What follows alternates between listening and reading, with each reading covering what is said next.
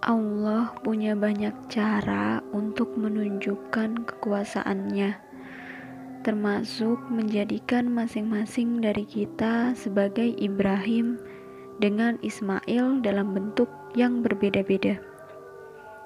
Takbir yang mengalun malam ini sungguh sebuah pengingat betapa Allah tak ingin Ibrahim-Ibrahim miliknya lalai hingga merasa berhak atas ego, nafsu, dan kemuliaan yang semua hanya titipan. Karena semua tentang Allah yang Maha Besar dan tiada Tuhan selain Allah. Jihad Ibrahim terbesar ketika itu adalah bukan melawan Namrud, melainkan melawan dirinya sendiri, melawan perasaan kasihnya kepada Ismail, melawan ego, dan semua tentang dirinya.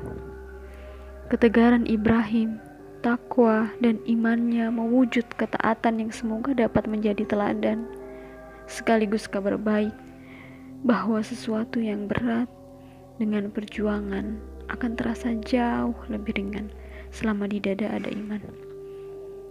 Percaya saja, kita diciptakan dengan kekuatan itu. Allah tak mungkin membiarkan ciptaannya tanpa bekal apa-apa.